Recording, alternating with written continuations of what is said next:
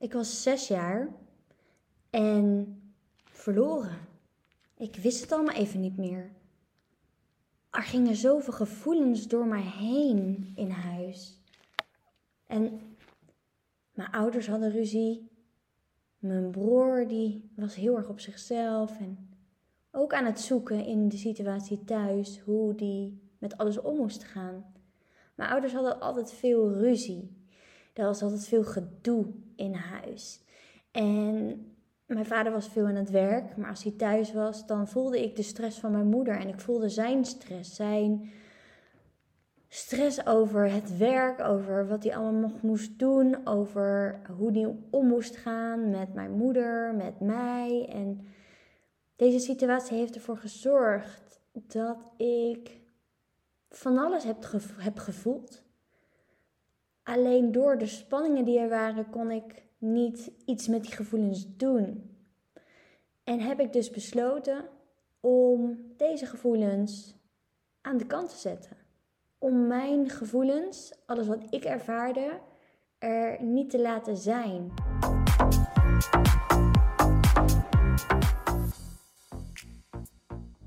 Wat ik zojuist uh, je vertelde in de intro, heeft te maken met een inzicht die ik heb gekregen in de afgelopen paar dagen.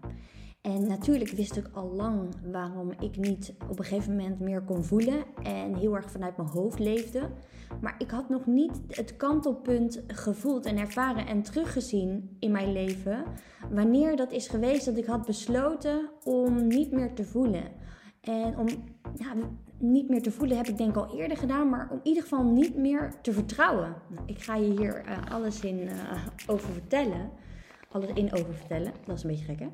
Maar, um, want ik ging naar een driedaagse Theta-cursus. Uh, dat is uh, energiewerk. En in deze energiewerk ga je werken met je overtuigingen. Dus dat is ook al wat ik altijd al doe. Dus je gaat op zoek naar de kernovertuiging. En een kernovertuiging is eigenlijk uh, wat voortkomt uit die gedachten. Dus, um, of eigenlijk onder die gedachten liggen.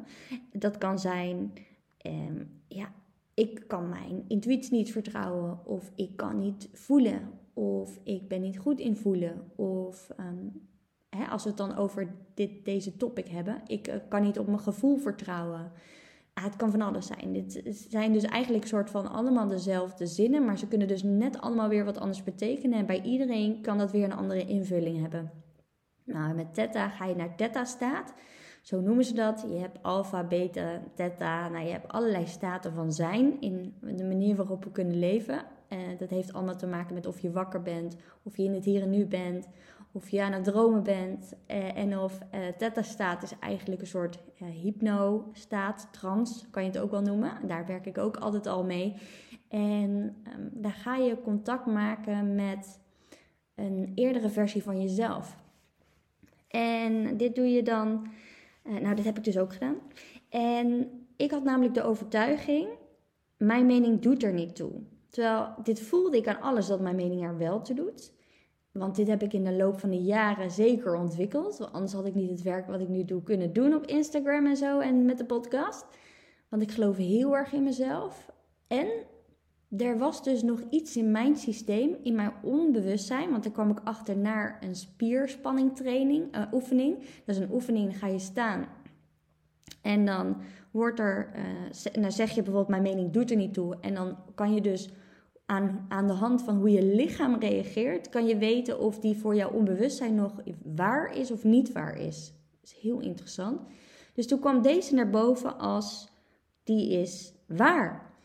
Mijn mening doet er uh, toe. Uh, of eigenlijk mijn mening doet er niet toe. Die was waar.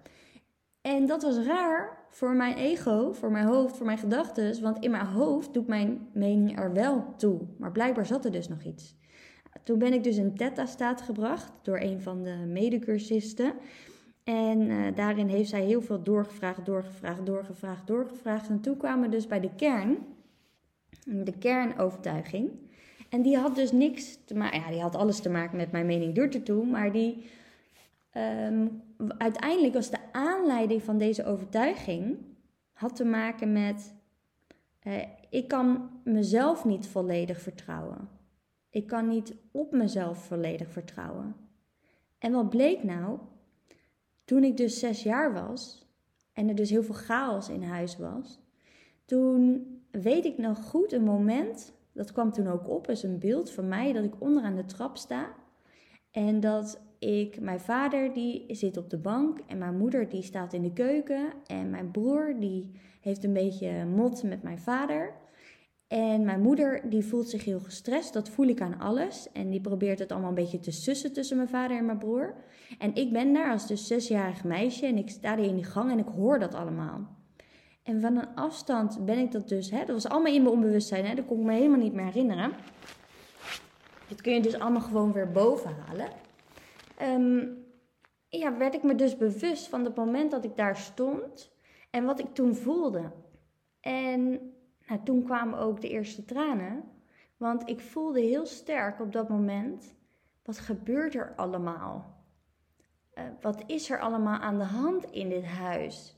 Wat is er met mama? Wat is er met Remco, mijn broer? Wat is er met papa? En waarom is iedereen zo tegen elkaar? Waarom gaat iedereen, voelt iedereen van alles, maar kunnen we er niks mee? En ik voelde daar natuurlijk ook van alles bij, want er was zoveel spanning in huis altijd bij ons. En ik kon niks met die spanning. Ik kon het niet bespreken, want ik voelde, ja, mijn moeder kon het niet aan. Dat was al te veel voor haar. Dus als ik ook nog zou vragen, mama, wat is er allemaal aan de hand? Wat uh, voelen jullie allemaal? En ik, ik voel dit. Ik voel, uh, ik ben bang. Ik ben bang dat jij en papa uh, niet blij zijn met elkaar. En ik voel dat Remco zich niet goed voelt en heel boos is. En hè, er gaan allemaal onbewuste gedachten dan door zo'n klein meisje heen. En op dat moment, ja, snapte ik het allemaal niet meer. En ging het rondjes draaien in mij. En wat ik heel erg daar besefte, is dat ik dus niet echt het verschil kon opmaken tussen mijn gevoel en iemand anders gevoel. Dus ik liet me gewoon helemaal meeslepen door iedereen zijn gevoelens. En wat ook resulteerde in mijn latere jeugd, is dat ik me aan iedereen ging aanpassen. Dat ik uh, met iedereen, vooral met de ander, bezig was. Want ja, ik wist eigenlijk helemaal niet wat ik voelde. Want dat heb ik in, al heel jong heb ik dat aan de kant geschoven.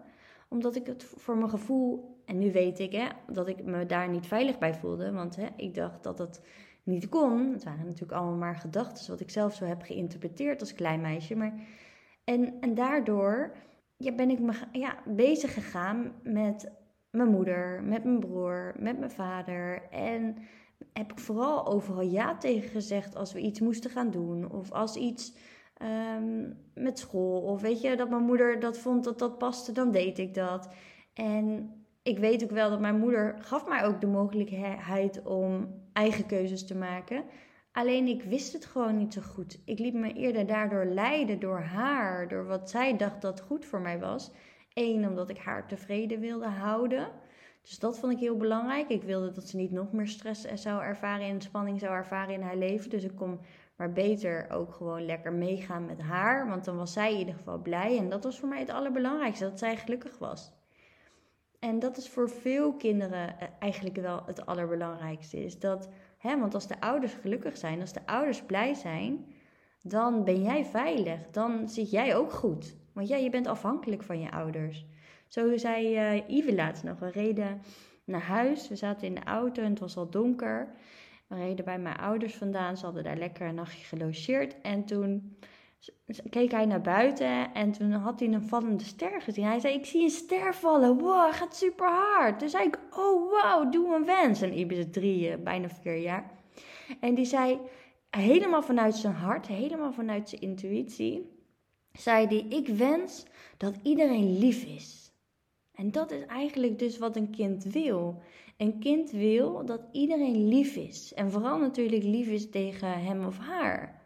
Want dat is fijn, dat is veilig, dat is liefdevol. En als in één keer een ouder scheelt tegen jou, of een ouder het niet met je eens is, een discussie gaat met jou, of zich tegen jou keert, dan heeft een kind heel snel het gevoel dat uh, ja, er niet van hem gehouden wordt. Daarom zeggen wij ook altijd thuis tegen de kinderen, als bijvoorbeeld zij elkaar slaan, van uh, oké, jullie slaan elkaar, dat doet pijn. Nou, we benoemen gewoon de situatie.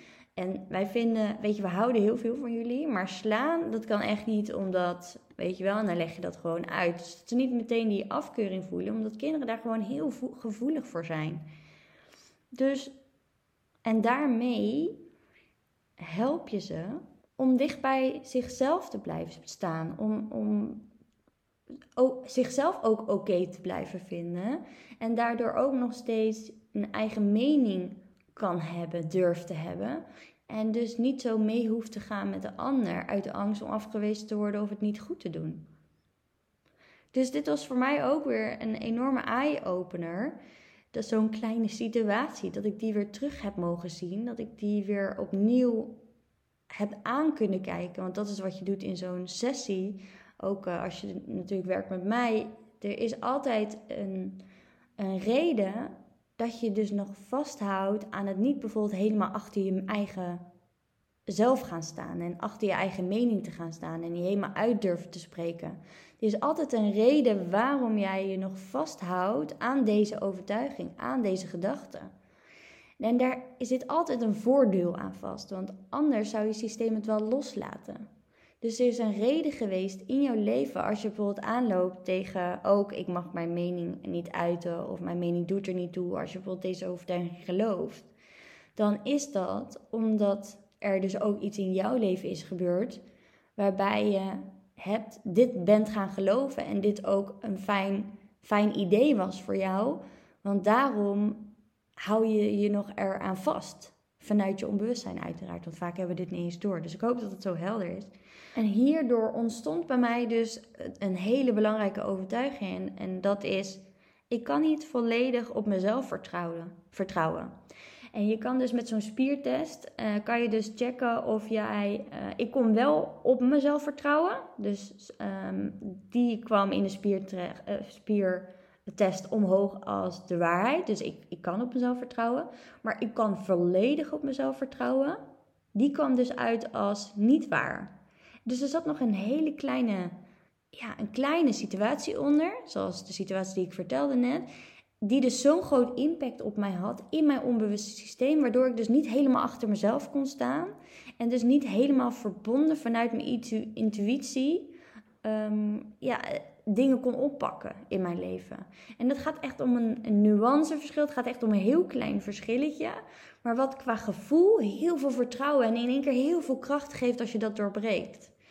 Dus dat heb ik ook gedaan. Want daarin kwam ik er dus ook achter, toen, in die, hè, toen ik zes jaar was, dat ik dus op een gegeven moment niet meer naar mezelf ging luisteren. Daardoor ging ik me ook aanpassen aan anderen. Dat heb ik toen zelf besloten. Ik had het gevoel dat eh, niemand mij kon dragen. Dus dat ik mezelf moest dragen, dat ik voor mezelf moest zorgen. En als jij dus als kind hebt gevoeld dat je voor jezelf moet zorgen, dat niemand je kan dragen, dan heb je een moeder gemist in je leven of een vader gemist in je leven. En dat is een bepaalde leegte in jou, een bepaald gevoel van eenzaamheid, van alleen zijn, van ja, en dat gevoel van eenzaamheid, van alleen zijn, komt terug in het hier en nu. Dat komt terug in het moment dat jij getriggerd wordt door bijvoorbeeld je partner.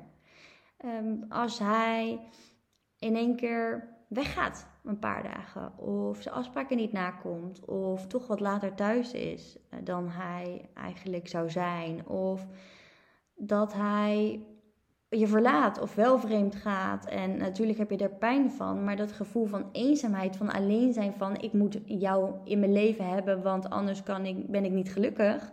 Dat komt voort uit het gevoel wat je eigenlijk hebt ontwikkeld in je jeugd, omdat jij die opvulling wil hebben van jouw partner, dat hij die bepaalde zorg op zich neemt die jij hebt gemist in je leven. En op die manier creëer je dus een afhankelijkheidsrelatie.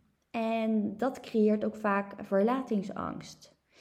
En dan wil je continu bij de ander eh, zijn en blijven. En wil je dat er voor je gezorgd wordt, omdat je dan ja, dat stuk hebt gemist in je jeugd. Omdat je altijd het gevoel hebt dat je voor jezelf moest zorgen. En dat je zelf sterk en het allemaal alleen moet doen. Terwijl ergens voelt het niet fijn. Dat is een, een innerlijke kindleegte die daar dan zit. En het is belangrijk als je dat wil veranderen. En dit is natuurlijk een proces waar ik ook doorheen ben gegaan. Is dat je die innerlijke moeder juist in jezelf kunt gaan oproepen. En dat je zelf dat stuk, dat zorgen voor, dat je dat niet nodig hebt van de ander, maar dat je dat aan jezelf kunt gaan geven. En dat is natuurlijk ook iets wat je altijd hebt gedaan, maar het gemis is er wel geweest. Dus dat erkennen van dat het gemis er toen is geweest, dat is heel belangrijk. En dat verdriet ook kunnen herkennen en voelen is heel belangrijk. En misschien zelfs wel de boosheid. En misschien mag je zelfs wel de situatie nog vergeven over hoe jij en je moeder daarop hebben gereageerd. Of je vader of wie dan ook. Dus het is zo belangrijk om te weten, als jij bijvoorbeeld ook moeite hebt om je intuïtie te vertrouwen en om op jezelf volledig te vertrouwen. Als je dus een aantal overtuigingen hebt, zoals mijn mening doet er niet toe, of, uh, ik, mag, uh, of ik mag niet gezien worden, of uh, dat je um, ja, het gevoel hebt dat het niet belangrijk is om uit te spreken wat jij denkt, et cetera, et cetera. Of dat jij sowieso heel erg uh, in je gevoel een beetje alle kanten op schiet en niet weet wat je moet voelen, hoe je het moet voelen, uh, hoe je dat moet uitspreken, hoe je voor jezelf kunt oppassen, uh, opkomen, hoe je jezelf, um, ja, hoe je gewoon jezelf kunt zijn zonder je continu aan te passen en over je grenzen heen te gaan. Dan zitten daar dus interessante overtuigingen en dus in ieder geval gevoelens die daarin gevoeld mogen worden. En mocht je nou niet weten welke overtuigingen dit zijn, want dat snap ik, dat is niet altijd even makkelijk als je helemaal dit, hè, dit stukje overtuigingenwerk niet kent, dan kun je met het gevoel ook aan de slag gaan. En hiervoor heb ik dus ook nu een vijfdaagse challenge die begint in februari. En in deze challenge ga je dus ook van denken naar voelen. Dus dan hoef je het niet meer allemaal te beredeneren met je hoofd, maar ga je het dus vanuit je gevoel er laten zijn. En dan kun je ook dus, bijvoorbeeld de overtuiging, mijn mening uh, doet er niet toe, kun je dus gewoon gaan voelen zonder per se terug te gaan naar bepaalde situaties, et cetera.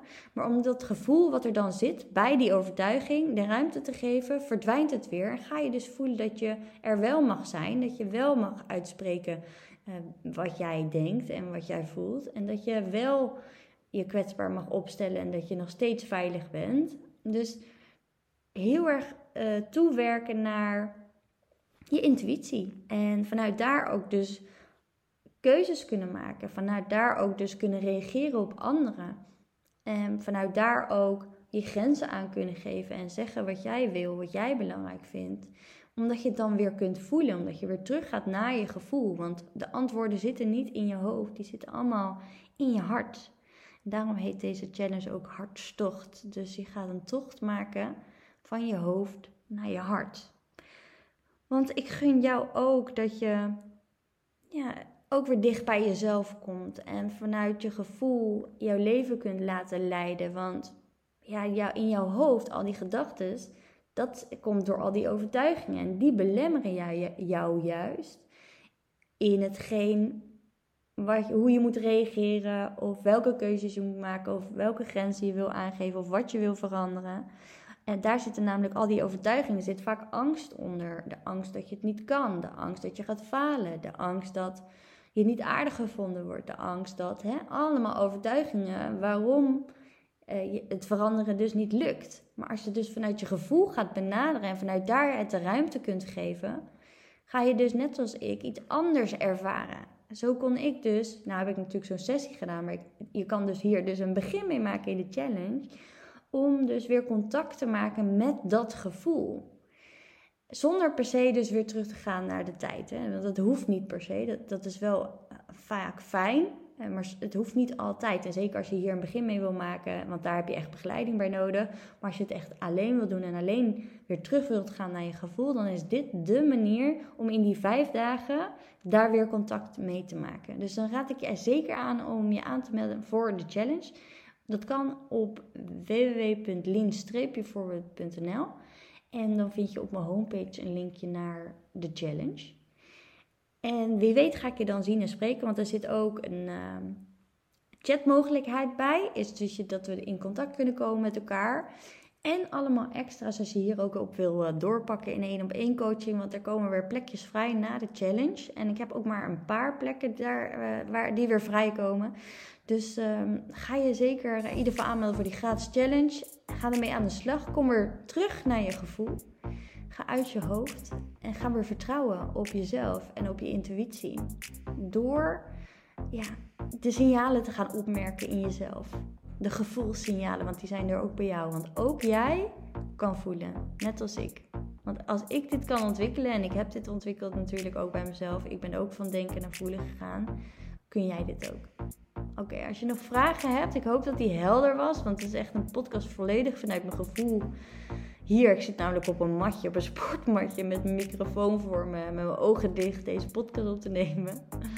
Dus dan hoop ik dat die nu helemaal helder is. En anders, als je vragen hebt, laat het me gerust weten. Oké, doei!